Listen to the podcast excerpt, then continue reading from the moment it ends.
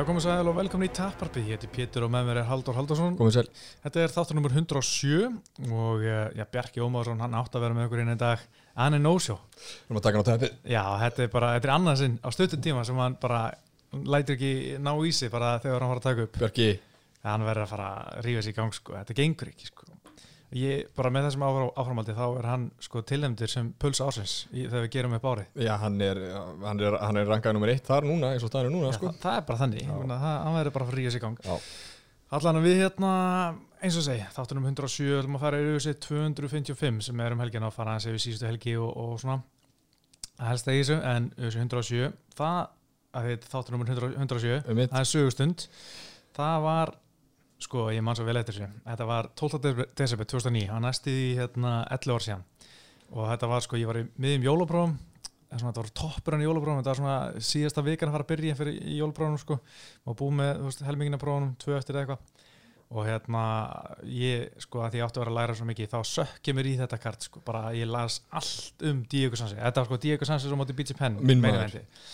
Og ég sökk mér svo mikið í þetta og síðan var líka var ég einhverju ástarsorgana líka þannig að hjálpaði mér að vera Já. bara að hugsa um eitthvað allt annað sko Gleyma sér aðeins. já og ég einmitt ég sko ég hafði svo mikla trú á Diego Sansis gegn Beach Pen að ég hef aldrei verið mikill Beach Pen maður ég veit ekki hvað það er það er eitthvað í Beach Pen sem bara hann er ekki að klikka hjá mér sko Okay. en þú veist að ég að sko nú- náttúrulega svo mikill minn maður þá var BG Penn, þú veist að þeir eru að mætast hann var hæg bara svona, nei þetta er ekki minn maður en hérna þetta var auðvitað svona, uh, svona ári eftir eða sama áru hérna TSP ofnar rústa Diego Sanchez hana.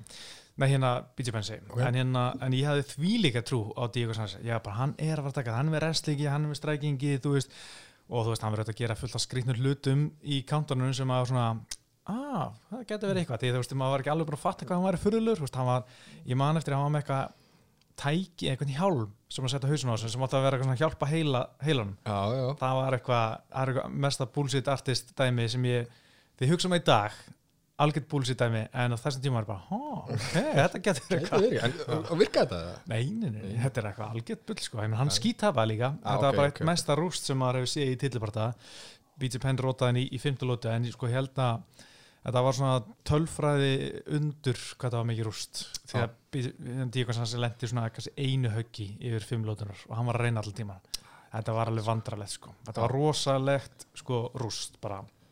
Mun aldrei glemusveikna en eftir, síðan í kominu var Jack Kongo móti Frank Mir. Honum, hann er náttúrulega ennþá að berast í Bellator. Já, hérna, jú, jú, þú veist, mann eftir honum, ég veit hvað þetta er, sko, Já, en ég get ekki já. rifið upp einhverja borðana, sko, eins og ég segi, sko, 107, þetta er 107, það Mhm. fer að stýttast í það að ég veit ekki hvort að tala um í sögustund, sko, þú veist, því ég kom inn í aðeins setna en þú, sko. Já, en hérna, sko, Jack Kongo, hann var- með eitthvað ótrúlegasta skrokk sem ég hef nokkuð tíma séð. Og þetta var náttúrulega þungað, ég hugsaði bara þetta er the perfect body fyrir þungað þarna Mm. en hann var svo heldur betur ekki the perfect fighter, sko og eh, Frank Mir bara steinrótaðan eftir mínútu, sko, ég var ég var mjög svektu með Jack Kongo, ég held að þetta væri hans augnablik til að rísa upp og verða einhver contender. Já. Frank Mir bara slögt á hann og, og með sko sitt American Boxing eins og hann kallaði, hann, hann rústaði European Boxing og ég bara oh, fucking Frank Mir. En hérna, það er eitthvað gæi, er hann ekki prætið eitthvað sem minnir á Kongo, hérna, hann er eins og einhver svona One? action fókskall, já, eh, one, já. já, já, Hvað heitir hann aftur? hann heitir eitthvað Allan eitthvað hann er, hann er mjög steirar og frá Afriku yngstar Já, einmitt, hann er rosalug, sko. og ógislega liður Eina sem ég sé er ykkur, sko, hérna, myndbund á honum á, Twitter að senda menn í sveit, sko. mm. hann er samt ekkert eitthvað eitthvað heimsmestari sko, hann er bara með heimsmestara skrokk passes the look test, svona sem hann segir, sko. jú, jú. en svo var áhvert á prílims að var hérna uh, Johnny Hendricks. Hann tók einhvern Ricardo Funes bara eftir dómarokon, þetta var áður en hann fann höndurinn síðan sko, Mm og sem var Palaris þegar hann var svona að stígu upp sko einn skemmtilegasti en klikkaðasti glímumæður svona sem er komið í þessi, að því hann var sögðheimskur sko, það var bara að tala um það að hann væri ángríns grindaskirtur ok. Já, en hérna, en náttúrulega var geggjaði glímaður en hann kunni ekki sleppa, hann var reikin úr húsi fyrir að, ég veit ekki hvort það maður stæði köttur úr húsi fyrir að sleppa uppgjæðtökum of seint, of oft, Já, of oft að gera Rámar Hvita og helst í, sko, þegar maður með nýbárs eða, Já, hílúk og alltaf- það, alltaf sko, versta sem þú getur- þú þarft að sleppa strax sko. Já, já, já. mér rámar í það, ég man ekki til gænum sko, mér rámar í þessu umröðu sko. Já, hann var, hann var þarna á leiðinu upp sko. og svo var hérna þetta Marcus Johnson í barða nr. 2 en það var náttúrulega gæðin sem uh, Gunni mætti fyrsta barða sem í UFC uh, sá gæði hann byrjaði ágætlega í UFC eftir svona smá töf veru en svo bara kom einhver nokkur töfur röð og meðal annars síðast að tapa á móti Gunna og svo var hann köttar úr UFC Mm. en já, uh, nóg þetta kart uh, UFC 100 og- nei, 255 Mhm. það fer fram um helgina en árum fyrir mig það þá er að fara í Já. bólfættir, en Já. fyrst Herða, Að- búm, Trillan. Ultra Light maður, það er trillan Ég bóði búm Ultra Light uh, Ég er að fara að trilla í því nokkrum spurningum Pétur, herru, ég var að fara yfir hvernig það virkar er það bara stutla stuðlega Já.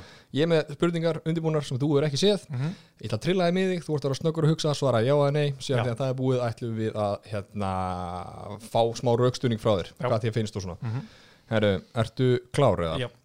Herru, John Jones fyrir fimm árum stoppar Adesanya dagsins í dag í fimm lótu bara uh, nei, Við munum sjá 165 pundaflokk innan 6 ára í UFC. nei Uh, hlutabrifin í Polo Costa droppuðu meira heldur en hlutabrifin í, í, í Ó- Sean O'Malley eftir þeirra töp. mm, nei Ok. Adesanya á meiri séns á að vera þrefaldum meistari heldur en Cejudo, Henry Cejudo. já, Já, þar höfum við það. Vá, þetta var allt mjög erfitt Já, sko, þú veist, ég var, líka, ég var ekki með í röð, ég var með í Já, síman, ég var ekki búin undirbúin vel, já. þannig ég var að fara eitthvað tilbaka. En ok, herru, hérna, erum við klárir, Já. greiðum það þess Mhm. Jones fyrir fimm árum stoppar ekki Adesanya dagsins í dag í fimm lútu baldaði. nei, ég held að hann, þú veist, hann myndi 100% vinna þá Mhm. uh, en ég held að hann myndi að taka eftir dómarokkunum bara það Já. væri bara svona pínu örugt, pínu mikið wrestling uh, pínu mikið svona bara halda hann niðri og svona einhver olbú en ekki gera eitthvað bila damage. Næri ekki að, að stoppa hann þannig, en myndi vinna eftir bara frekar einhlega dómarokkur Ok, það er ekkert eitthvað ground and pound döðans, þú veist, eins og hann var alltaf í þessum bransa, alltaf, það er satt lengra síðan en fimm ár. Ah, ég hætti að segja hvað þetta segja, ég hætti að segja átt ára. já, kannski Það er nóg um það, herruðu, ok, fair enough, uh, við munum sjá 165 pundaflokk innan 6 ára í þessu. Uh, ég væri 100% til Já. það kemur bara á morgun 165 pund Mhm. og auðvitað ætti klála að gera og breyta veltvitin í 175 pund. En Deina segir bara nei Já. ég vil þetta ekki, ég vil hafa þetta eins og þetta er Já. og ég vil ekki neina breytingar þá á ekki breyta neina, þetta gengur flott svona og ætlar ekki að breyta neinu Já, það er þetta rétt, sko, við, þetta verður- það ekkert, sko, næstu fimm árum veist líklega að Deina vært hætti heldur en að 165 pundaflokku komi já. og Deina er áfram Var þetta ekki smá senast þegar þið voru eitthvað að byrja að taka flyweight flokkinu út, sko, og það var allir bara eitthvað, ú, þetta er kannski að fara að gerast. já, já. það er líka svo margir í léttvitt og veltvitt sem gætu verið hana sko. Já. bara þú veist eins og okkar maður um helgina Dos Anjos. Já, hann var í frábæratum. Herðu, hlutabrefin í Póla Costa droppuðu, uh, sko, skil ekki mínu eigin spurningar, hlutabrefin í Póla Costa droppuðu meira en hlutabrefin í Sjóna Mæli eftir, veist, þeirra síðustu töp. Þú var, það var nei þar. já, mér finnst það eins og hlutabörðin í í hérna Í O'Malley. Sjónamæli hafi rapað meira Já. að því að þetta var svo mikið puls endir þú veist, Já. hann meittist í löppinni og vegna var stinnrótar í gólunni og er alltaf bara, ég tapaði ekki og er með fáralega rásakanir um að, hérna, að hann, þú veist, sé ennþá undefeated og svona, það er það er svo slæmt að Það vera slæmt, sko. komið þanga, en Pálu Kosta þú veist, ég held að minnst, jú, hlutabröðin snarlækuði í honum en að líka bara meira bara, djúvel er að þessi ógæslega góður. Já. og það var eiginlega enginn að tala um djúvel er hérna Marlon Vera ógæslega góður. Jú, það var eitthvað, en meira bara Sjóna Malimar, það er hann bara er ekki með skrokkin í þetta þú veist, Já. og bara svona, veist, ég var alveg komin á lestina að hann væri einhver contender, en núna er ég bara svona Nei. hann er ekki með skrokkin í veist já, og líka, hann gafst upp af því hann var illt í löppin, Já. skilur brotættur sko og sér líka þú veist að tala um þetta hana, eftir barndan sko með þessi löppin og var tekin út á börum sko mm. það fór ekki vel í, í, í hérna í hina, hina gæjina sem eru í þessu sporti sko Nei. þeir myndu aldrei láta, þú veist, láta sjást til sín svona Herru, síðast spurning, uh, Adesanya þú veist, þetta- ég ætti að segja hver á meiri sens á að vera þreifaldi meistari, Mm. þannig að Adesanya á meiri sens á að verða þú veist, þreifaldi meistari heldur en Cejudo Þú veist, ég sá strax eftir þessum leiðu og sagði já, af því að sko Adesinna þarf að, er svo, náttúrulega er í milluðitt og svo eru 20 pund upp í þung, neina lettungveikt. -hmm.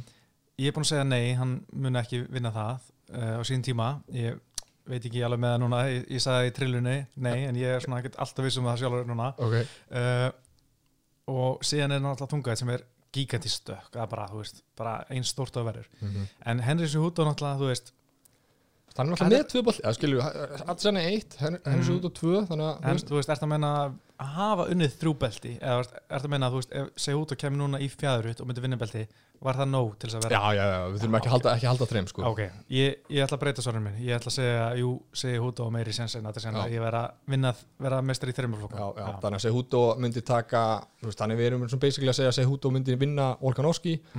og hérna Adesanya, þú veist, ætti erfið þú veist, væri, ætti meiri, meiri fangi með að taka hann hérna stípi Já, ég myndi Já. segja sko segja Húta og meiri sens gegn Volk heldur en Adesanya á sens gegn Stíbe já, ég, myndi- ég myndi segja það. Já, ég er eiginlega samanlegar. Herru, þetta var Þetta var skemmtilegt. eh, þetta var skemmtilegt trillan í bóði Boom Ultra Light. Uh, Þetta var erfið fæðing, þetta var ekki nógu vel skipulagt um mér en það er eins og það er. Já, maður, þú læra Við þessu. Læra þessu. Já.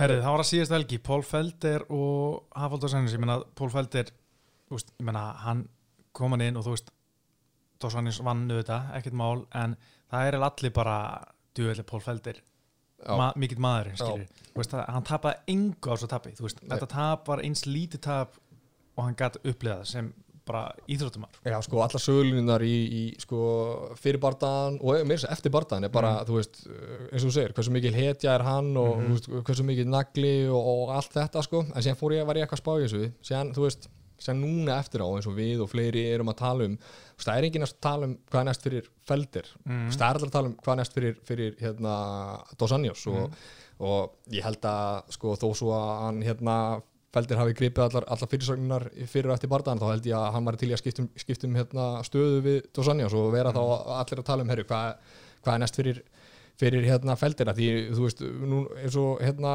núna er allir bara að segja herru, hann er komin í afturinn í léttutina, hann orðin, hann er orðin áskurandi og þú veist, hann er mættur hérna with a bang og allt þetta sko, þannig að það er góð Já, en, en þetta er rétt í það sko, þú veist að, að það er allir bara að tala um, tala um feldir fram og tilbaka sko. Já, en ég hugsa einmitt svona, þú veist, bara þegar næst, þegar Dósanarnas best næst, þá kannski fyrir hann að fá meira kredit fyrir hennar sigur, skiljur. Já, En en sko eitt sem náttúrulega árum fyrir að tala um, já, tölum hans um kötti, því að, veist, Mhm. feldir náttúrulega kemur inn, jú, æfa fyrir þrýþraut, en hann hafði ekki komið stíð inn í MMA-gimi í fjóra mánuði. Og hann segist að vera að kötta 22 pund sem eru á fjórundum, það eru tæp 10 kíló. Og Ian Larios sem er í- hjá hérna Greg Lockhart gæi og hann er búin að vera veist, að undirbúa kötti fyrir Pól Felder og hérna hefur gert það með Gunnar líka hann har oft verið með okkur á hérna, hótelinu fyrir ok. aðranda barða, toppgæi, ógæslega fyndi hann er, hann er svo mjór, þetta er mjóasti maður sem ég sé. Já. og hann er alltaf að hjálpa gaurum, gaurum að skera niður, mér finnst það eitthvað pínu fyndi sko. En mjög, mjög algjör toppgæi og hann sagði að þetta væri erfasta kött sem hann nokk tíma síð og hann er búin að vera með sko svo mikið veist, er að Mhm. og hérna hann sagði aldrei sé eins brútal kött og þetta. Þetta voru 10 kíló á fjórun döfum sko. og ég bara þú veist, hann, eins og Pól Feldur sagði þetta var darkest days hana, darkest night of my life þannig að 15. skvöldi hann var að skera niður sko. þetta hefur verið hellir enn að kött og þess vegna var ég mjög ánað með Pól Feldur þegar hann hrauna yfir gæna sem náði ekki vikt Já. og gátt ekki bara stæðin eftir Já, sko. hvað voru ekki tveir gæðir á, á kartinu sem tróðs út, út þrýr Já, ok sko, Sabarbek Safarov, hann átt að máta í Julia Marquez og Julia Marquez, hann er ekki búin að berjast í tvö ár, búin að Mm. meittur hann var bara, ég sá ekki, hérna, ég las það ekki en hann var eitthvað svaka vital við hann á hérna í Athletic sem var að tala um bara hann ánæður að fá að berjast aftur Mhm. Sabarbek skýtur á sig og hérna í viktuninu og getur ekki barist daginn eftir og Marquez bara hann er brjálæður uh, svo hérna er Lewis Molka hann átt að mæta hérna einhverjum í bandaveitinni. Hann skeiti á sig viktunni svo allt í einu bara kortir ára kartið byrja þá var hann átt Erik Anders kom allir í hátinu og löði hann var átt að hann skeiti á sig viktunni og hérna svo náttúrulega Abdul Razak Al Hassan hann skeiti á sig viktunni hann náttúrulega barðist samt sko. Já, já. en þetta voru fjóri gæðar sem skýta á sig viktunni og sko, ég var náttúrulega að lýsa þessu kvöldi og því ég var undirbúið mig var ég bara, þú veist hvaða bardaðar er að fara að vera ég að segja? Já, og veist, ég bara klukkan 7 á lögutaskvöldi, þú veist, yfirleitt er ég búin að undirbúið með þá, sko, þú veist, þá var bara allt búið, ég er bara eitthvað að síla, þú veist, þá bara allir bara á kartinu búin að breytast, ég bara að henda þessum barða út, hann er dottin út og þessi kemur inn og ég bara, já, mjög pyrjar, sko, þú veist, að það var allt og mikið hérna ringl með þessa hverju voru að berjast og, og margir að skýta á sig viktinu, ég veit ekki hvort þið líka mikið að breytast út af hérna, já, svona, já, bara þannig að koma seint inn en þetta var óinni mikil skita þetta er náttúrulega vinnan þeirra sko. Já. þú veist, gæðin sem út að fara að slást við þú, þú er ekki vikt, sko, þú veist, að hafa áhrif á lifibröð þeirra sko, Mm. sérstaklega og dreifðu út, þannig að maður skilur alveg, þú veist, það er þetta gaggrín þessa, þessa, þessa þú veist, þennan niðurskurð á, marga vegu, sko, en veist, svona er þetta bara og Mhm. þú veist, þið skriðu allir undir samning og vissuð að hverju genguð, genguð sko, en uh, þó talar um að, hérna, en að því feldir skilju, hann, hann gerði þetta hann bara það. 10 kíló á fjóru Já. það er grjótart ég ætla að koma að því sko að hann gerði þetta og veist, rosalega erfitt kött og, og allt það sko en hann leitt vel út í þessum Mhm. bardaga sko Já. þú veist, uh, minna, þó að hann ekki verið með kamp og þurft að skera þetta niður hann þessi, þessi 10 kíló leita mjög vel út sko, Mm. standandi mér fannst hann vinna flest exchanges standandi sko. Mhm, mhm. þannig að þú veist, hann var einhvern veginn snöggur og það var snapp í höggunum og, og allt þetta sko, þannig að kannski kom ekki þannig að sög sko. Nei, hann er náttúrulega bara komið vel út úr þessu eins og, eins og segjum sko. Já. en hérna uh, sko líka hann er náttúrulega að fara að lýsa Contender Series var það ekki í ger ég er ekki nóg, nóg all-in til að vita. Já, og hann- já, nokkru dögum eftir sem bara mm. það Daniel Kormir átt að koma inn en, en Pól Veldur hringdi ég bara, herru, ég skal bara greiða þetta. Ah, okay, hann var, var að berja hann í húsun á lögudaginn og var að lýsa í, í geri Mm, En hvað, Pétur, hvað læriður um hérna Dos Anjos Sko, þetta var eiginlega bara nákvæmlega eins og í léttundinni þegar hann var þar síðast. Mm. en bara ekki eins svona devastating í, í gólunni komur alveg óvart að Pól Felder náða streytast vel á móti í gólunni því að eins og hann sagði, hann var ekki búin að glíma í fjóra mánu, hann er ekki búin að mætti í gym í fjóra mánu og úst, Pól Felder, hann har aldrei verið þekktu fyrir að vera eitthvað geggja góðu glímaður þannig að maður held bara ef Dórsennus er komið hann í gólu þá getur það verið erfitt. Hann náði eiginlega engu í gólunni veist, engum svona, e- ekki damis lítið að komast í svona mjög góða stöður á bakinu eða á mántinu og Pól Felder gerði bara veist, miklu betri að komast upp og verjast ta þú veist, taka ekki skaði í gólun heldur en ég bjóst nokkuð tíma með sko. Nei, nei, og svona, þú veist, það er eins og segir, hann bara svona ekki segja, hann, stýrði honum sko, Felder vildi náttúrulega ekkert verið í þessum stöðum sko, en hann var Mm. aldrei, einhvern veginn aldrei maður var aldrei, ú, ú, ú, hann er að að ná Mm, þessu sko, nei. það var aldrei þetta moment sko, Nei, mitt sko og, og ég með Dósenjó sko, ég er nefnilega hann er orðin 36 og hann er eitthvað að tala um mig að nú er ég að fara í titilin aftur, ég er að koma tilbaka. Ég er ekkert að kaupa það sko. Ég er, þarf að sjá meira en þetta til þess að trúa að hann sé eitthvað back sko. Því ég held að það sé ekki, stærsta vandamál hans er ekkert endla þýndaflokkurinn, hann er bara ekki bestur í heiminn einu flokki. Og því að þú veist hann er orðin 36 ára og hann mun alltaf tapa fyrir sömum gæðum, ég meina í veltivitinu var að tapa fyrir ok, stórum glímunum Kamur Úsmann, Kolby Kondur er ekki það stór uh, hérna, en, uh, svona wrestlera sem eru svona óþreytandi og bara hérna og svo tapa hann líka fyrir hvað heitir hann aftur, Kiesa, Michael Kiesa og hérna þú veist svona, svona er svona pínu formúla að vinna hann og þannig að ég var bara fyrir á hann Ísland Makatíf dættu út bara að greiði Dósanjós, fær enn eitt wrestleri sem mun hanga á Já. í, þú veist, þrjár, fimm lótur. Og ég held að það mun 100% gerast ef Dósanjós fær aftur Ísland Makatíf eða einhvern, hann mun alltaf tapa fyrir þessu gæm og Justin Gaethje mun örgulega vinna hann. En ég held að sé ekkert að fara þú veist, fara neitt mikið lengra heldur en bara hann kemst að kannski top 5 í léttundinni nær góður rönni en svo bara kemur einhverju eins og Íslam og, og vinnur hann já, þú veist, ég sé hann í þessu top 6, top 7 spacey sko, þú veist, Mhm. og hann líka þú veist, að það, þú veist, hann var komið tilbaka eftir fjögur ára því að náðu þessu náðu þessu, náðu þessu kött ekki, veist, Mhm. og, veist, og núna er orðin hvað fjórum ára veldri, 36 ára Já, er að koma tilbaka og, og er ekkert að koma í einhverja, einhverja pulsu, pinsu einmitt. þingdaflokk sko, þetta er bara allir hérna eru, eru sko einhverjir, einhverjir endakallar en eh, við vorum að tala um Makassef náðan, þú veist, hversu gott var þetta fyrir hérna RDA að- að- að að Paul Felder komið hann inn og Mhm. þú veist, hann náði sigur og allir að tala um að hann lít ekkert smá vel út og he's Mhm. back í léttutinni og eitthvað að því hefði verið Makassef og Makassef verið á leiknum sínum þá hann bara Mhm. grændaði hann og unnið decision og allir bara jæja, þá er þetta ég búin að tapa hérna, Já. sko, s- sex af, nei, fimm af síðustu sex Já. og er ekki bara komið tíma á Bellator kallum minni, eitthvað svona Mhm, skilur en já. núna er einhvern veginn bara, ú, ú, þú veist mm hvað er að gera við hann í léttutinni, skilur, eða skilur mig Já, mjög góð punktur sko meina, það var alveg hann grætti helling á þessu að Makassef datt út úst, Mhm. maður, allan leiði mér að fullir að, að, að hérna, Makassef hefði unnið, hann var held í favorite hjá Vöðböngu líka Já. en hérna, Byrju, eitt, fyrirgeðu, þessi síking, hvað síking er þetta? Er það það eitthvað, verður ekkert komið fram sko er þetta COVID eða? Nei, ég held að þetta sé bara eitthvað eitthva staff Já, svona. staff, Já. sem þið fá allir, ok, Já. ok, en, En- en alltaf varum? En líka sko með að því að þú tala- um kötti ég mann því að las sko þegar hérna, Dósanjós fór upp í veltveit þá var hann að tala um kötti í léttveit og þetta var sko skelvilegt, það var að vera hann var að kötta niður fyrir hérna, Eddie Alvarez bardaðan og líka fyrir Tony Ferguson. Og þetta var bara ógeðslega erfitt kött. Ég menn hann var að líða yfir henni í baðinu veist, Mhm. og hann var bara titrandi og þú veist, og hann, sko, þetta var eitthvað svona eh, bara, menn heldur ángreins hann var að deyja, sko. Bara þetta var bara, bara hríkalegt kött. Og síðan, veist, daginn eftir hann var að berjast í Eddie Alvarez um þú veist, hann var ekki að svitna, bara byrjaði ekki að svitna. Bara líka með var bara, það bara slögt á öllu, sko, veist, hann bara bara eitthvað mikið að og hann var að berja sem er bara á sturlun og hann fór upp og ég bara, þetta er bara frábært skilu, á þessum tíma fannst mér vera fleira að fara upp heldur niður þannig ég held að þetta væri svona þróunin aðeins að breytast sko. Mhm. en svo núna fara aftur niður í léttitt, jú hann er að tala um hann sem er miklu betra að liði í kringu sig hann er með eitthvað lækni með sér sem Já. er lækni sem kom hósi aldar niður í bandaveitana hann sé að gera miklu meira svona vitrand, hann er veist, léttari áður hann byrja að skera niður veist, Já, já, já, kemur skil- léttari inn í fætvík sko. þannig að kannski er þetta bara það sem hann þarf en, en eins og vorum þá á 165 pundin, það væri fullkomi fyrir Dósinars Já, hann er svona tweener sko.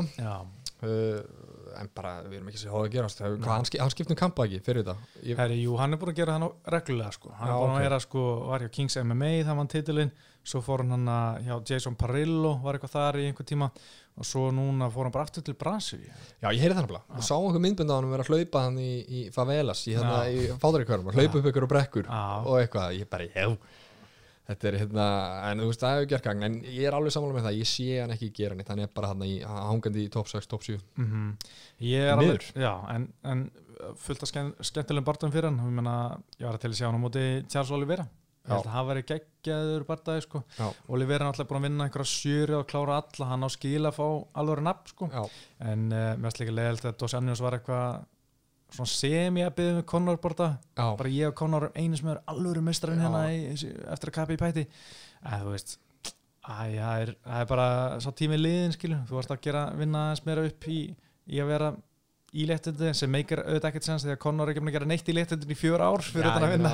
Conor er bara Conor skilur. Ég, þetta er kannski punktur sem ég langar að koma inn á að þú veist, hann er að tala um hann eða skilið stóran barndag núna, RDA sko, þú veist, ætlum ekki að taka frá hann ég, þú veist, hann er búin að gera nóg til að eiga allt skilið í þessu sporti, en í léttvittinni þú veist, þarf hann ekki að vinna, þú veist, þarf hann ekki að vera með allan að, hvað ég segja, eitt eitt, eitt, tvö, þú veist, tvo bardaða allan eitt bardaða sem hann rótar einhvern eða stoppar einhvern til að Mm, eiga já. eitthvað, þú veist, við erum ekki að fara að setja hann í eitthvað súperbardaða eins og, eins og, eins og Conor þú veist, Nei. þó, þó RDA, hafi tweetað hann um daginn this is the fight to make, sko, því Mhm. Conor var eitthvað að pissa út í hann eftir, Já. eftir bardaðan, sko Ah, en ah. e, það er allan mitt teika á þetta hann þarf að gera allan eitt bardaða sem er með eitthvað spekt, spektakular stopp eða eitthvað eða vinna tvoðuröð á þess að áðurum fyrir mig þá sálmalla sko. Já, klála, ég meina eins og við vorum að tala um á hann, það er allar, allar að tala um feldir í þetta, það er ekki allar að tala um Dos Anjos Mhm. og það segir líka svolítið sitt bara um hvernig Sigurum var og Já. það var alveg góður en ekkit spektakulur sko. mm -hmm. En eitt sem langar að ræða með þetta, Já. það var split decision. herru já, hvað þvæla er það? Sko ég, náttúrulega, var að horfa á þetta, en ég var ekki alveg viss hvort að Anjos væri að vinna alla lótuna, því ég var að, veist, maður er náttúrulega að lesa þessa judging kriterja og ég er náttúrulega ekki dómari, ég hef aldrei, þú veist, tekið prófið eða fara á námskeið, en mér langar mikið að fara á námskeið, mér langar að skilja þetta betur, Mm en eftir því sem ég les náttúrulega þessar reglur þá var það sem skipti minnst máli er kontrólið og, veist, og damage skipti mestu máli þannig að ég var að hugsa, þú veist, þeir eru nokkuð jafnir standandi og þú veist, Pólfeldir kannski gera alveg einhvern skada en síðan þú veist, í klinsunu og þegar hann var að stjórna hann Dos Anjos og í gólfinu, hann var ekki að gera neitt hann var ekki að gera neitt með þetta, hann var ekki að gera neitt damage Nei. og það náttúrulega skora mest þannig Mhm. að ég var að hugsa, að kannski er dómarinn að horfa á, þú veist, að Feldir sé að gera meira damage í lótinu og þess vegna vinna þannig að ég var svona ég var svona pín að pæla hvort þetta var það sem hann var að hugsa en svo var hinni dómar sem dæmdi 50-45 Já, skilja, það var alveg frekar einlega en ég, en ég hugsa að þetta hafi verið þannig að þú veist strækingi var frekar jamt og þá var kontrólið hjá Dos Anjos að skila honum lótunum hjá hinnu töfum Já, ég skil gátt að fara með þetta sko. Náttúrulega þekking þín er miklu dýbri heldur en mín sko og veist, ég að horfa á þetta með augum áhugamannsinn sko. Mm. Þú veist, ég- gæti ekki gefið feldir bardagan sko, ég gæti ekki Mhm. gefið hann þrjálótur kannski, sko, kannski tvær -hmm. hugsanlega eina, Mhm. ég man ekki hvort það var önnur eða þriðja sko, ég gefa hann það Mhm. en þú veist, síðan þegar hérna, Bruce Buffer, var ekki Bru- Bruce Buffer Já. var að kynna skilur eitthvað svona this judge again. Felder og Felder var hissa sko, Já. og hann bara, ha? Já. en uh, ég gæti ekki séð þetta vera sko að Felder hafi tekið teki, teki hennar barða sko, þú veist, þannig Nei. ég skilji splitt Nei, ég er alveg samanlega því sko ja, hérna, svona, þegar maður hugsa um barðan þá meikar ekkert sens að að Feldir myndi vinna því að hann var ekki að gera það mikið damage veist, þegar var standið, hann var alveg örgulega lenda aðeins fleiri höggum heldur undan Sennjons en það var ekkit svona sem hafði svakalegt impact sem er náttúrulega það sem skiptir mestu máli Mhm. að lenda mest svona impact og mest damage en núna eftir, sorry, sko, núna eftir hennar barða sko, eftir að horta á hann, þú veist, þetta er alveg fín skemmtun okkar en þetta var ekki eitthvað, þú veist, við getum geðið augna konflikt en Mhm. bara, þú veist, tvö skemmtilega nöfn en núna eftir á er ég að hugsa bara, ég var ekki geggjað til í að sjá þetta, þú veist, hennar barða hefði Felder átt full kamp, sko, þú veist, Mhm, það hefði verið já. það er alveg hægt að hendi því það hendi örugglega, því en- og alltaf velta sér fyrir því endalist, Já, sko. en svo annað hérna með uh, alveg þetta maður Já. Herru við bara hérna höldum áfram, en sko eitt sem ég langaði að ræða, bara rétt í lokin af því að við vorum að tala um Makachev Já. það er eitthvað menn tala um, þú veist, Khabib segir hann verður næsti meistarinn hérna en þú veist ég held að þetta verður pínu erfitt fyrir Makachev sko að fá titilparta af því að hann er ekki nærri en skemmtilegur eins og Khabib Mhm. að því að hann er, þú veist, ég meina það Khabib kom þá var hann bæði sko svona einn af fyrstu wrestlarinn sem voru uh, rús, rússorna sem var að svona wrestla menn í drasl og grænda og menn voru Mhm. bara, herrið þetta er gæði sem ég er til, til í og hann, þú veist, núna Makachev hann er bara ennið rúsin, skiljum, hann er ekki Já, við erum komin um okkur, sko. Þetta er mettaður markaður já, pínu, þetta er svona, Mhm. maður er búin að sjá, sjá þetta áður, sko. Mhm. og líka Khabib, hann er með persónuleika er sem, þú veist, kemur til skila með bjagara ennsku sem er geggja að hlusta á. Mhm. en Íslam, hann talar enga ennsku, hann er bara kemur ykkur túlkur og segir nákvæmlega sem Já, hann vill að Íslam segi. Og þú veist, það er ekkert svona og líka Khabib var með svona svakalegt ground and pound. Það var rætt þar sem var bara wow, djúðlega er þetta geggja Makachev, hann er ekkert hann, hann er miklu meira svona svolítið lay and pray og svona stjórna ég hugsa að hann verði pínu erut fyrir að hann að sannfæra auðsum að gefa sér til bara, já, sko. og líka að, og fá aðdaldu með sér í, lið sko. Já, þú veist, átönda með, með þér í lið sko, þú þarft ekki að tala einhver ennsku að opna á, á euróska og, og ameríska markaðin sko, veist, það, bara, það verður að vera eiginlega sko og þú veist, talandi um persónuleikan sko, Khabib er að tala við gæjina sem hann er að berja eitthvað, you have to give up, mm. I deserve this og síðan auðvitað líka sko, Khabib náttúrulega sprakk þegar hann berjast við sko. Mhm. þú veist, þú, það er svona eins og með Coke og Pepsi sko, Coke var ekki að vinsalt eða Pepsi var ekki til og öfugt sko, svona tvo reysar sem svona magna hvernig hann upp. Og Khabib var náttúrulega líka með, með DC alltaf að tala já, já, tala fyrir sig og tala um hann í myndböndum og, veist, Mm. og það allt sko. Þannig að þetta er veist, Khabib hafði það allt með sér. Mm. þú veist að verða superstjarna en, en, en sko Makachev ekki, það eina sem Makachev hefur er, er, er einhvern veginn bara Khabib sko, fyrst mér sko já, það er svolítið þannig sko. Það þarf að gera eitthvað meira til þess að kveik koma nafnunum sem, sem átt er sko. fá sér orðabók, byrja því Já, nákvæmlega byrja að læra uh, annars er svo karti sem svona vakti aðtekli það er náttúrulega gæðin Chaos Williams geggjað nafn Já, hann heitir sem það hann er ekki skýrður Chaos sko. Ó, ok. en þetta er nickname sem hann bara tekur og gerir að einu nafni, Já, hann heitir ok. Colin Williams en var kallað Chaos af því að hann var alltaf með eitthvað Chaos á gödunum í einhverstaðar í bandarækjunum, hann var með vesens að krakki, hann var alltaf í slagsmálum eins og ok, ok. okay, smargir Svona snáði. Já, hann var, hann var í fangelsi sem úlingur og Já. kláraði mentaskóla í fangelsi þannig að það er bara einn af þeim sko. Já, er uh, hann steinrótaði uh, Abdul Razak Abdul Williams Al-Hassan Já, hann er náttúrulega komið núna tvo sigri röð sem eru á samanlegt hvað, 57 sekundur rótök, fyrsta lúti wow. þessi Abdul var, hann var, var heavy favorite fyrir hann, fyrir, fyrir hann bara Já, ef ég held skildi það, rétt sko, held og er að tala um eitthvað þetta var eitthvað, en við minn góður Chaos Williams, senda hann til helvítis já Þetta var skemmtilegt sko hvar, Og- hvar, sorry, ég er alltaf að gripa fram fyrir þér hvað rankar þetta KO ef við tökum bara þessu ári? Þetta er á top 10 sko Top Þetta, 10? þetta var svo Nei, þetta var svo devastating Þetta var bara smellur og hann Já. bara var sko svo beinstífur Já, það var eiginlega sem gerði þetta Já. sko, og þú veist, hann lá ennþá þegar það veri hérna eitthvað svona and the winner is, Já. þú veist, þá lá hann ennþá eða þú veist, þá var hann ekki mynd sko. Einmitt, sko, það er alltaf útlæðilegt sko. Já, og vilt ekki vera þar sko eða þú ert að horfa á bardaði hjá vinninum og, og hann er ekki mynd þegar Sigurinn er grindur sko. það veist ekkert sko. Ah, það er ekki gott sko. Er ekki gott. en ég menna hann er kannski ekki komið eitthvað kamsat hæp en það er komið hæp á baka hann með þessa tvo sigra. Mm og ég man það kom fyrst í USA á móti hérna Alex Moreno bara í februar þá var Moreno svona stór feguröld líka sko. Mm. og menn er að tala um að hann væri svo vildur og hérna hann var ekki tilbúin í þetta. En hann er bara að þakka niður í þessum gæðum sem segja hann sé ekki tilbúin Já, og sástu í þarna kvótið hans? Geðveikt kvót.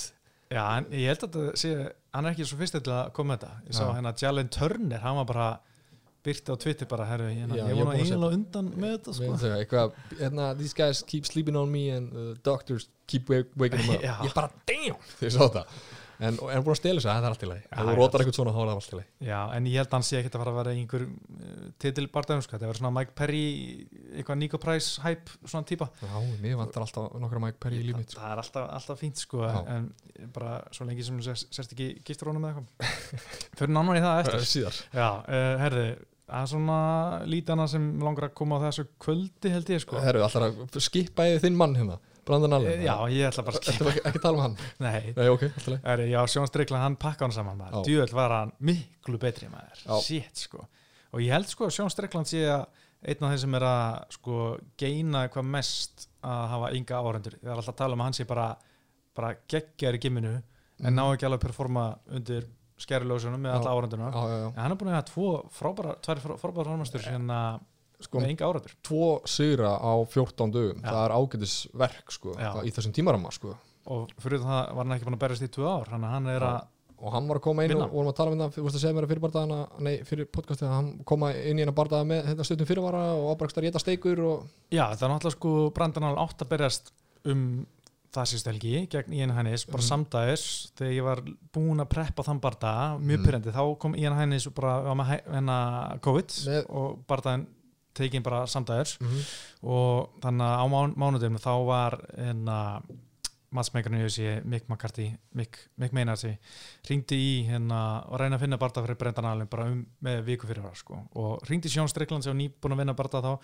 Og hann var til en hann var búin að vera í svolítið duglur í einhverju svona barbecue í fríinu sinni. Og nokkra búm ultra light með þessu. Öruglega, en Já. ég meina er það ekki lett er það ekki að, já, þessu drekka bara nokkra skilur og þá er að, að fáar kaloríur í þessu já, já, þannig að kannski verður ekkit óþungur að drekka þetta. Nei, nei, svona, svona deliver hann í bardaða Já, hann, hann að delivera og, hérna, og þess vegna var þetta catchweight 195 pund og Sjón Sterkland sagði ég hefði alveg getað náðu þessu kvöti en þau vildi bara gefa mér að hafa catchweight og Brendan Allen sko, ég hafði mikla trúanum að því að ég held að hann væri bara að fara að vera player í millleitinu en, en Strickland bara pakkaði hann saman pakka hann Shit, saman sko. allir alltaf einhvern veginn að klára þetta í snemma sko Já. og kom með, kom með smá svona hvað ég segja, eitthvað svona smá öldu á hann sko Strikland stóða bara á sér og, og þú veist og jabba hann einhvern veginn bara, þú veist, alltaf Já. bardaðan sko og þetta er svona effortless, þú veist, hann hendur þessu hittir alltaf og það, þú veist, ég var líka spenntið fyrir Brandan Allan og umræðan, veist, umræðan fyrir bardaðan og eitthvað svona smá hæp í kringum hann sko. Mm, en það það er búið í bili. Það er búið í bíli hann þarf að rífa sig upp mm -hmm. er það USA 255 Já, það er aðal málið um helgina núna.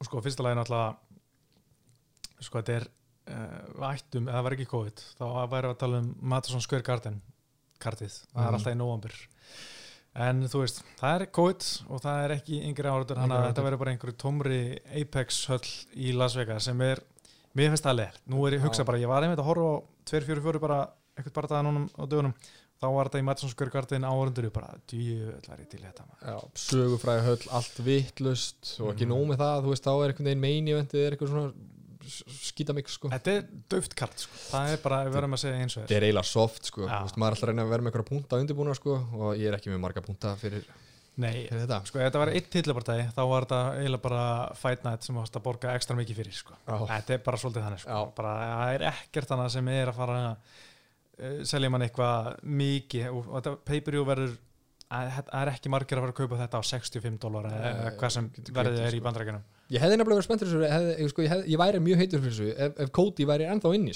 hann er að fara niður og kannski Mhm. þú veist, getur hann gert eitthvað í, flugutinu og þetta Mhm. allt sko, en séðan bara eh, Peres að koma inn sko, sem Joseph Benavides sko sko rótaði, eh, þegar þeir mættust Mhm. og, og Figuero tók hennar Benavides og, og hakklandan tvísvar sko, þannig ég er svona, veist, hvernig á ég að hæpa mig mikið fyrir þetta sko, en ég áttur að horfa á þetta sko, ekki það, en En árum fyrir mig minnavendi að loka með allt í pælingu Ég meina, það var, Conor hann vildi berjast á þessu ári.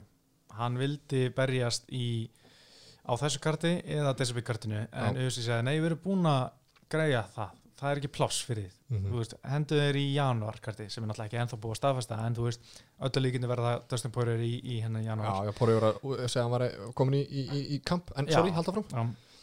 en þú veist, þetta kart það hefur verið helviti gaman að vera með Conor hérna en eins og ég um átalum þá held ég að það sem hafi gert útslæði var að það eru tveir tillibardaðar hana mhm, og þeir meistar að fá meira borga heldur en þú veist Caitlin Chugegian og, og Mike Perry. Mhm. þannig að það eru þessi hefur ekki efna á því að borga Connor og tveimur meisturum Já. og tveimur áskorundum og ekki fá árundur þannig að ég held að það svona, gert útslæði Það sko, það að hefur sko. það hefur ekki að vera með Connor. Já, þú veist, þú getur ekki sagt að eiginlega ekki, sko, ef, ef, ef, það, ef það sem þú varst að segja núna væri ekki issue, veist, þá er ekkert að segja nei, konar, það er ekki pláss fyrir því, við erum með stakt kart hérna, það er eiginlega ekki hægt, sko en þetta snýst bara um, um hérna, peninga, eins og svo ofta áður, sko. Já, já, það snýst alltaf peninga. Já.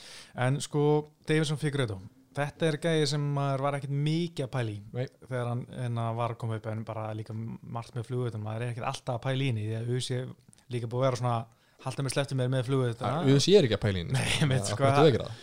Nákvæmlega, það er mjög góð bútur en hérna, hann þurfti eiginlega bara að klára Benavides tvisa til að fá titlin hann alltaf vann hann hann í februar Februar misti, misti vikt. skeita á sér vikturinni og hérna og klára hann sér aftur bara fjórum veist, þetta, þessi setnibartæði, þetta var rosalegt burst. Já. þetta var bara eins og hann var að taka sko eins og það Khabib fór á móti Darrell Hortzer sem kom inn með sexta fyrir sem var nýli í þessu, þetta var bara svona hann á ekki séns Já, mér finnst vond að horfa á þetta sko er og það- allir halda alltaf með Benavides sko, Já. svona, svona góði gæinn og síðan, Mhm. þú veist, bætti ykkur skáka hann að Megan O'Leary já, og hann er að horfa á þetta og grátandi einhvern veginn inn í bakgrunum, þú veist, ég bara, hvað, þetta er vond maður, og þú veist, Benavides einhvern veginn sá besti sem hefði aldrei unni titil og þetta Mm. allt og þetta var sjensin hans eitthvað Mm. svona og, ekki gott sko, mæti Já. bara Figuero með, með gult hár og já, haklemur hann sko, tvisar já, Já. í klessu sko Hann var, það var óþægilegt sko. Ég, en nú svona spurningin, veist, getur hann haldið sér belti lengi getur hann komið eitthvað stöðuleika í flugutuna sko? Já, sko Mér finnst það sko, því ég, eins og segir, eins og þú segir hún fylgist ekki mikið með flugutinni, en hann svona, eftir þess að Benavides barða, þá finnst mér hann vera að koma með smá svona vig, eða þú veist, eitthvað svona bakvið sig og allan að, þú veist, er þetta nafn sem ég er svolítið að fylgjast með, sko og þú veist, hann er einhvern veginn með gult hár og er úksla stóri sem þýttaflokki og hann er að stoppa menn, veist, þetta er allt sem hún þart, sko. Mm. þetta er ekki allt bara eitthvað að fara í decision eitthvað óða tæknilegt, sko. Já. en hann þarf orðabók, veist, hann þarf að geta að tala einsku til hann, þú veist, aðeins mm. verið svona smá pólakost að tala einhver svona bjagaði einsku og einhvern kæft, sko, þá held ég að, hann geti komið með eitthvað stöðuleik í þetta eða gert eitthvað- fyrir flugutuna, sko, það er Mhm. mitt teka á þetta það sem veldur mér áhugjum er viktin sko. hann náði náttúrulega ekki viktan á móti Benavides sem er eina skipt sem hann að klikka Mm. en sko mótið Jussius Formiga sem er hans eina tap á ferlinum þá sko var hann að skera niður 39 pund sem er 17 kíló það er sko. það er rosalega, ég er ekki að segja að byrja í fætvík 17 kíló í fætvík en, en hann sagðist að það þurfti að skera niður 17 kíló fyrir þannig bara það og hann ætli sér, hann talaði maður í april 2019 eftir þennan þetta tap hann ætla að vinna belti og fara svo upp í bandavægt Mhm. þannig ég er svona ah, veist, eh, það þurfti ég að sjá þetta núna. Já. að hérna það er náttúrulega gammalt við, viðtalið, veit ekki hvort hann veist, sé ennþá að meina þetta í dag eða standa ennþá við þetta. En þetta segja mann að þetta er stort kött fyrir hann og ég held að hann verði bara ekki lengi í hérna flugvitinni og ég er svona smá svona Já, þetta er mjög góður punkt til það, sko, að því líka ef maður horfir á einhvern veginn, sko, við höfum oft talað á þennan í taparbyrnu að bandavektin er að verða þessi svolítið svona, hvað á ég að segja, þú veist, svona mainstream Mm. mm. þingdaflokkur, skilu, við tölum um léttuttina og, og bandavektina, svona margir killir satna og þú Mhm. veist, það er mikil aðtegla á henni og þeir sem eru í fluguttinni gera eitthvað þar, þeir eru alltaf, þú veist, eins og Henry Cejudo, þú veist, vinna beltið þar og núna er ég komin í bandavektina Já. og alltaf gera eitthvað, þú veist, það, það eru peningarnir eru þarna, sko, Mhm. það er svona er kannski svona ströymur þangað upp, sko já, mér finnst það leðilt, við þurfum það ekki við þurfum eins og og segir sko ef Figueiredo geti orðið player í flugvitinni og vera að klára menn sem hann hefur verið að gera, hann er með sko fullt af rótökum í flugvit sko, sem Mhm. er bara freka magna en ef hann getur náð smá festu lært ennskuna þá gæti hann bara sem er bjarga þessar flokki sko. En það er svolítið, þetta er svolítið mjög tvö stór ef Já, sko. ef og ef, sko þess vegna hefði svo fínt að Kóti hefði komið niður og það hefði verið frábær barndagi saman hvernig það farið skilju það hefði, þú veist, það er fleiri augu fara á þetta Mhm. og það er gert mikið sko já, en það er eins og það er já, sko ég meina já, hérna er þetta Figueiredo hann- af 90 sérum er bara þrýr eftir dómarakur sko. hann er klára bara Já. þessi sko. að ef hann getur gert það í, í tillibartum í Jussi þá er hann bara að fara að vera sko næstu bara svona, svona sem er stjarnar sko. En þetta er sann sko, ég er búin að lesa um hann þetta er gæði með áhugavera sögum hann var alveg upp á bóndabæ hann var að sko smala hérna buffalodýr Já. já það er, er, er það vísundi á íslensku já það er ekki vísindur Já, smala vísundum sko, það er alveg frekar hart sko og en, hérna, en svo var hann líka eitthvað hellulegja og flutti í hérna, var einhver sveitabæ, Ólstæður flutti í borgina, BLM held ég og hérna þar fór hann bara að klippa hár. Hann var bara sko, hann var ekki bara að klippa hann var bara í litun og förðun og hann var bara í þessum pakka sko og svo var hann bara sem mistari sko. Hann margt í listan lagt sko, þetta mætir hann með flottar hárgræsluður og, og, og þetta allt sko. Spurning hvort hann gerir þetta sjálfur eða ekki sko. Já, hann kann þetta örgulega Já, hann kann þetta, hann kann þetta, Já. bóttið uh, en síðan, þú veist, er eitthvað meira, þau eru alltaf Sesenko, það er annar tildið bara Já, ég er með meira með fyrirgefðu, sko, sko, En þú veist, en, að, hann er náttúrulega sko þú veist, hann var að keppa í hérna Maradjúra sem er eitthvað svona sandklíma. Mm. byrjaði þar sko og var mjög sterkur þar og var náttúrulega bóndastyrk sko og fór sér inn í Capoeira og síðan kynntast hann, kynntast hann hérna Alcantara bræðarum Júri og, og þeim hérna byrjaði að MMA þar sko. Og hann var síðan í svona ekki alveg fíla þjálfununa fast að þurfa meira fór til tíma Alfamil var eitthvað þar um tíma sko. Já, ok, en hérna en eftir fór mikið tapið þá bara stofnaði sitt eiginleitt sko og er búin að vera taplu síðan þá sko. Já, vel gert, vissi ekki hann að fyrir Alfamil það er svo skemmtileg tenginga þegar hann var að taka kóti sko. Já, já, það er náttúrulega, þeir hafa öruglega eftir saman sko, þannig að það er pínu áhverð sko, en uh, sko með Figueiredo sko, hann segir, ég sé ekkert merkilegt við Peris og ég, ég er ekki að segja þessi sammúlunum, en þú veist, en þetta er gæði sem hann var eiginlega ekkert að pæla í fyrir hann að fekk hann að tilbarta, síðan Mhm. náttúrulega manni hann tók Formiga að pakka hann saman í sumar sko, með lásbörgum í fyrsta lútu og er búin að vera mjög flottur í USA sko, ég meina hann tók Jordan Espinosa pakka hann saman í fyrstu lútu, sko hann svæði hann úr halfgard eiginlega öfum þú veist, hann hefði þurft að vera komin hinum megin en hann er örgulega með helva squeeze þegar mm hann kann svæft hann bara úr svona halfgard öfum megin með armtrækul þannig að hann flott og svo tók hann mark til að rosa og bara eiginlega pakka hann saman. En eins og segir, eina tap hans var Joseph Benavides í nóvember 2018 og Benavides eiginlega klára hann tvisar þetta var pínu skrítið, dómarinn stopp, stoppa bara þannig á aðstæðanlega tíma, Benavides stoppaði. Um mitt en hann held áfram Já, Benavides og og það var, eitthvað en alveg farulegt sko. En sko ef Peres vinnur þá var hann fyrsti gæðin sem kemur úr Contender Series og vinnur titill Mm. hann geti alveg, hann byrjaði náttúrulega þar 2017 í fyrstu Contender Series hana, ára 2017 en hann var bara flott fyrir hann. En sko maður svona hann er góður wrestler, góður glímar fýtstandandi en einhvern veginn finnst mér sko fyrir alltaf vera hættulegri.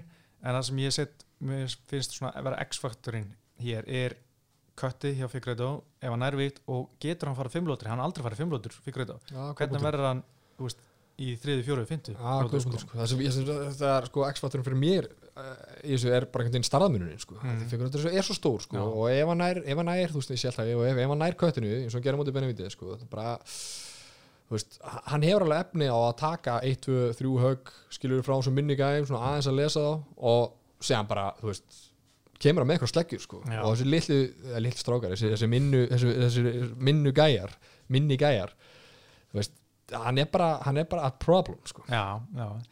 Ég er nefnilega sko er ekkert alveg vissum að Figueiredo vinni. Ég er ekkert 100% örugur með þetta pikk sko. Ég meina, Peres er mjög góð- wrestler. Hann, var, hann er, eða hvort hann sé hann þá ég veit ekki wrestling þjálfari í einhver svona skóla í bandrækjunum mm. og Daniel Cormier segir hann sé alvöru wrestler, alveg sé mjög góður þó hann kannski ekki verið All-American en eitt hann er alveg með góðan fyrir baka sig og hérna gerir vel. Og svo náttúrulega er hann með þessi lásburg uh, Figueiredo var ekki að það sem ég sé, hann er ekki mikið svona ég held að hann hafi ekki, svona típist í Figueiredo og svona, þetta er bara ekki lásburg engar, engar áhugjur reynda að gera mjög vel á mæti beinum vitis að ekki að tjekka, heldur bara svona steg fótinn út aðeins, ok gerði það vel mm. en ég geti trúið að þetta geti svona haft sitt að segja þegar líður á barðan sko. en ég ætla samt að segja að mitt pikk verði fyrir auðvitað með bara sleggju í fyrsta lótu sko. Já, ég er í, ég er í, sleg, ég er í sama, sem, að segja, bara annar lótu kemur Já. eitthvað sleggja að nota fyrstu, fyrstu lótuna svona aðeins að lesa hingæðan og Mm. svona sjá, sjá styrkin í honum og eitthvað sko Mhm. og sem bara kemur hann með hérna, en þessi lásburg samt, ég, við þarfum að hafa, að hafa, að hafa þau bak við, bak við hérna, eiruna, því þeir eru að koma svona sterk inn núna í, í, í, hérna, í sportið sko, þú veist að maður er sér miklu fyrir, maður er sér stopp endalaust skilur, Já. sko og ég meina hann alltaf stoppaði fór mika segi, með kálfaspörkin sko. þannig að það má ekki glemma því sko. Já. þetta er líka pínu áhvert, ég meina eina tapið hans Peres í USA var á móti Benavides sem fikkur þetta pakka saman mm og eina tapið hjá Figueiredo var á móti Formiga sem Peres pakkaði Já, þetta er fyrir hring, þetta er MMA með heldur betur.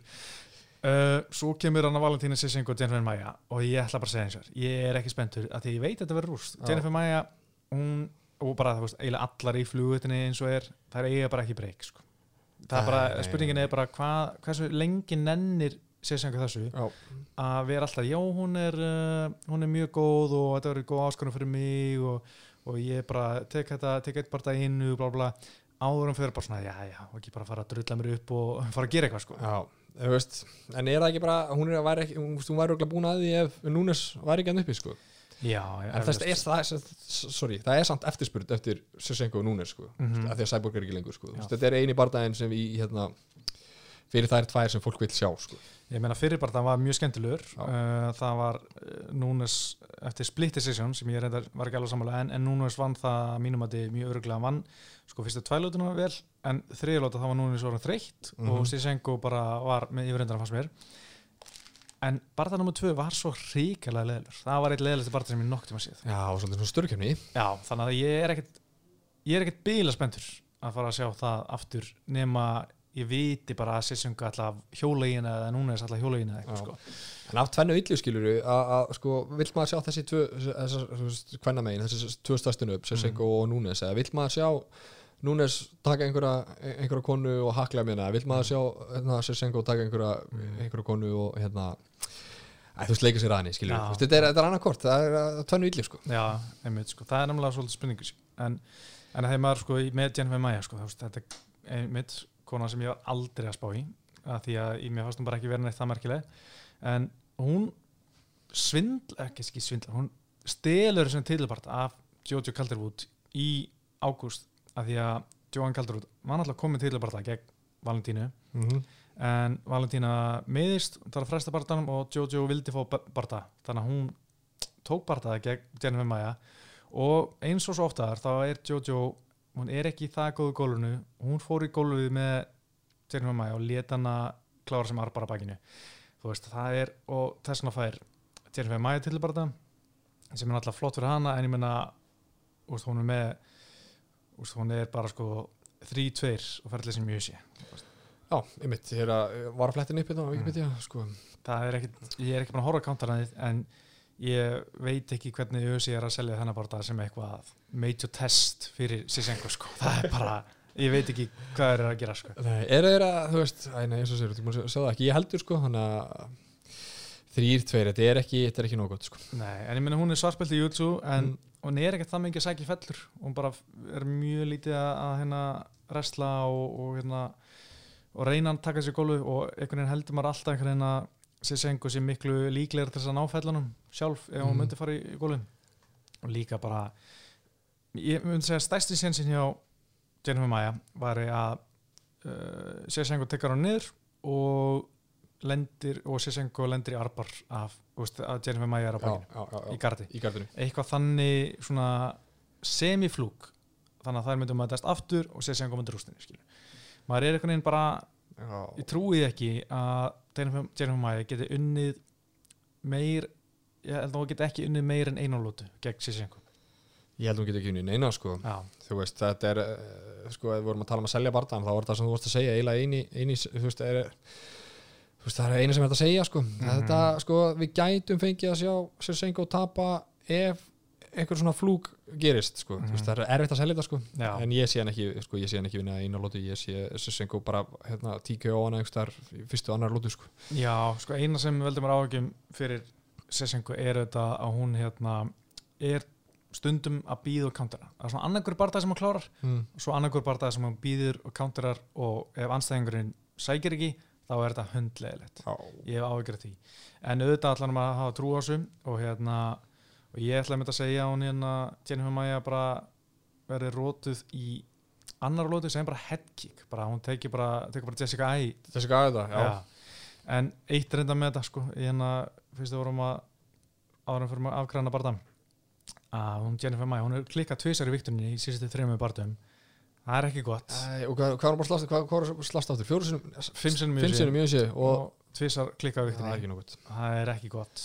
En spurning ég, Lauren Murphy, hún var að tala um hún ætla að vera backup á þessu karti Mm -hmm. veit ekki hvort hún verði hana og vikti sér inn í alvörinu en, hérna, en hún gæti stólu þessu ef James Maia skýtur á sig og hérna maður er ekki vikt eða eitthvað Mhm. ef hún verður annað til staðar en, en já, eins og maður, eitt með Maja hún var erfiðleikum með fjallaðina gegn Caitlin Chugagian sem er náttúrulega mjög góð að halda fjalla og allt það en húst, hún gæti ekkert standandi gegn Caitlin Chugagian þannig að ég veit ekki hvað hann er að að gera standandi gegn Valentínu heldur þannig að þetta verður eins og maður sér á stöðlunum þetta verður mjög erfitt fyrir Jennifer Maja hver er stöðlinn? er það, þú veist er það 1,00001 á ég sá 1,07 á Valentínu það er ekki þess fyrir til að betta á held ég Ný. sko. Nýni uh, já, þannig að hvað, hver er þín spá? fyrir þannig bara Já, hérna, Sjössenko TKO í hérna annar lótu Annarlóðu, ok, Já, við erum sammála með það, það og annar en svona fyrst ég er búin að fletta þessu upp þá er sko Jennifer Maja að lenda 0,23 fellum í hverjum barða Já, það, Það er ekki er- gott ef þetta ekki góð standardi átt hérna Jitsu, síðan, en ert samt ekkert að sækja fellur sko, til að koma því að stað sko. þetta er ekki nógu góð blanda sko. Nei, það er erfitt að vera svarpildi og alltaf vinna þetta með því að fara ekki fellur veist, en veist, auðvitað, þetta er Emma, getur allt gerst hún er alveg uh, úst, allt í í box, þetta er ekkit ríkala slemt, en ég menna hún er með, hún er ekki með marga sigur, sigra eftir rótök eða að kýla anstakana niður en það, þannig, það er ekki það gerist, gerist ekki mikið Nei.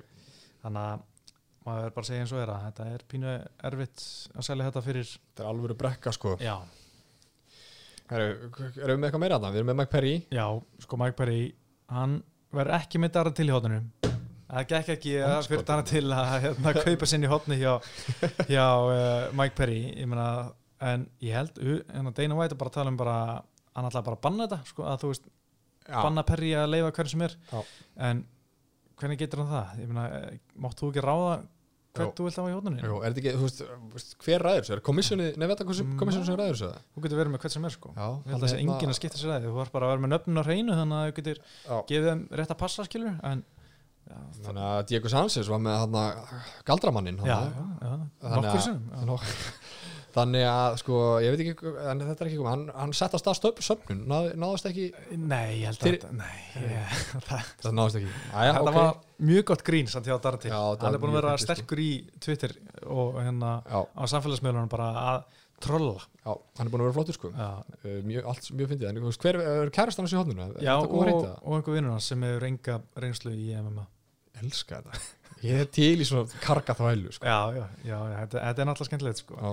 En Darti, nei, hérna Mike Perry er að fara á móti hérna, Tim Means, átti að fara á móti Robbie Lawler en því miður þá er Robbie Lawler meittur Þetta var náttúrulega fullkomin bardagi fyrir Robbie Lawler Já. Hann er ekki top 15 lengur bara því miður er, smá nafn, skilur, komur aftur á réttan kjöl og þetta allt, sko. og þú veist, það er enginn að fara að taka niður það er Mhm. enginn að fara í fellur hérna sko. Mm. það er svona það sem UFC vonast eftir með því að setja Mike Perry í gegn Já. Robbie Lawler, það er, það er það sem við viljum sjá á Robbie Lawler, bara í einhverju grín bardagum, þú veist, sem skiptingu máli það sem bara enginn fyrir felli og svona heiðursmanna samkomlega að banna að fara í skjóta í Og menn er að hendi hnefa samlöku, sko, eitthvað svona fyrir augað, sko. Já, Já.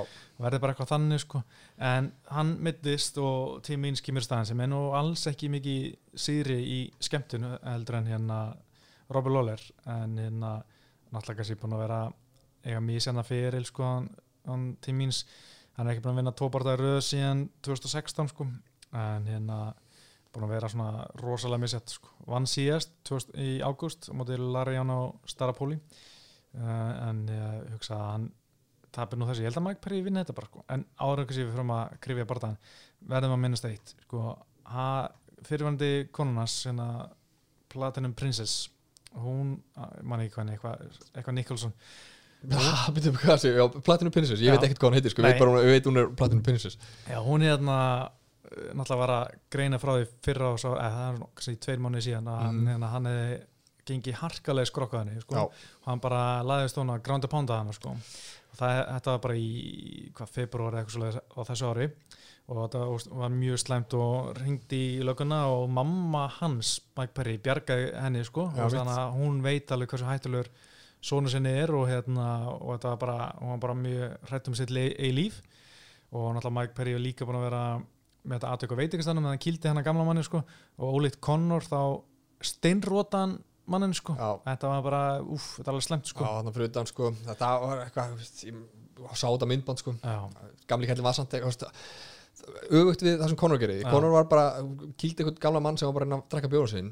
Í- Mike Perry kýldi einhvern gæja sem var með læti sko. ég er ekki að segja þessi í lægi sko. Það það var stíks, svona, smá munur að ná sko. Þetta var smá incident sko það er, það er og hérna, og konunars Mike Perry, eða fyrir manna Platana Princess, hún sagði að Mike Perry hefði orðið virkilega slæmur bara andlega eftir tapi gegn Jeff Neal að hann hefði bara orðið bara pínu svona rugglegar eftir það, bara sem ég bara hljóma bara eins og heilaskaði bara Já. fyrir mér sko Mhm. að hérna, hann hefði verið bara ringlaður og vissi ekki alveg hvað hann var og sem er mjög óþældi að hann tapa fyrir hérna Jeff Neal desember 2019 og búin að vera jú, vann hann að mikið góli í sumar en mér finnst það mjög óþældi að heyra svona að svo óþægilega raunverulegt þegar maður heyrir að hérna að menn séu svona orðinni slæmir eftir eitthvað rótök sko þetta er ekki, þú veist, ég held að verði svona þú veist, ungt sport og allt það sko, Mhm. og, og þessi heilaskæði meiri umræðinu og, og þessi þú veist, þessu sér það bara á Íslandi í, í, í boltaðið með höf, Mhm, höf já. og þetta allt sko, að þú veist, við hefum eftir að sjá þetta eftir,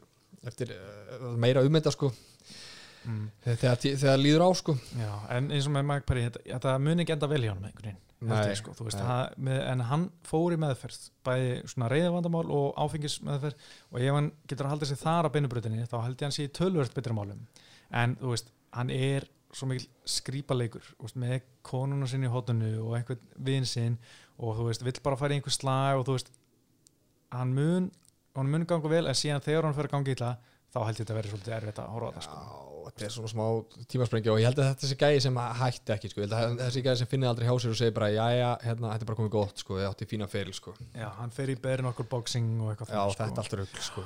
En hann er alveg ennþá, meina, hann vann hann mikið gól síðast og hann var frekar einhlega bardagi. Og hérna mikið gól er náttúrulega sínt, hann getur ekki neitt. Uh, en ég bara, hérna, alltaf var samlega þar sko. Já, og ég ætla að segja að hann klárar hann bara í fyrsta lótu sko. Er samlega, kemur hérna, kemur sleggja sko. Já, uh, Laura Murphy, hún skeit á sig. Uh, því að við erum að tala um Caitlin Chukagian og Cynthia Calvillo, það er að mætast. Og þetta er svolítið one contender bardagi mm -hmm. fyrir utan náttúrulega Jessica András sem er hann í flugut hvenna uh, sterkur kandidat til að fá næsta titilbarta uh, eftir að Valentín er búin að pakka Jennifer Maia saman. Já, en Laura Murphy, hún að en hún svaraði ekki símónum eða sagði, fösti, geði mér á fimmtuti, geði mér smá tíma til að hugsa þetta. Svaraði ekki símónum fösti, ekki lögðu, ekki sundi, mánundi tilkynnt Tjúkegin á móti Cynthia Calvillo mm. og hún missir þar af stórum titilbarta hún er að töðum að fá titilbarta en hún vann síðast nýla og það var ekkert rosalega samfærið, hún kláraði hann jú, en, en ég er ekki ég gef Jennifer Maia meiri sens gegn Valentínu heldur en Laura Murphy sko. Já, og líka eftir að sá þess að framistuð þarna síðast sko, móti einhverjum hérna nýlið já, og þú veist, ekkert það var, einhvern veginn ekkert gott við þetta sko, það var bara svo þú gerði það sem þú áttur að gera sko. Og sem varstu bara skrítin einhvern veginn á mæknum sko. Já, einmitt ég var ekki aðdandi Nei. en ég held að Calvillo og Tjúkegin verði alveg fínastu en ég held að Tjúkegin bara takit þetta dómar okkur sko, hún er alveg góður, góð að glíma og heldur þessu standandi. Mm. og Cynthia Calvillo er pínu einhaf þegar hún næri sig ekki í gólfið en aldrei að vita. Uh, svo er Sjókon og Paul Craig 2 þetta er endur að sem engi baðum Þetta er engin, engin að spyrja eftir þessu. En minna Sjókon hann er búin að vera lengi á leiðin út úr þessu sporti. Ég er búin að býða eftir því að minn maður hann var einn af mannum uppáhaldsfæturum á sín tíma. En hann er búin að vinna 5-67 barndum samt og er 38 gammal hann er ekkert að að hætta sko.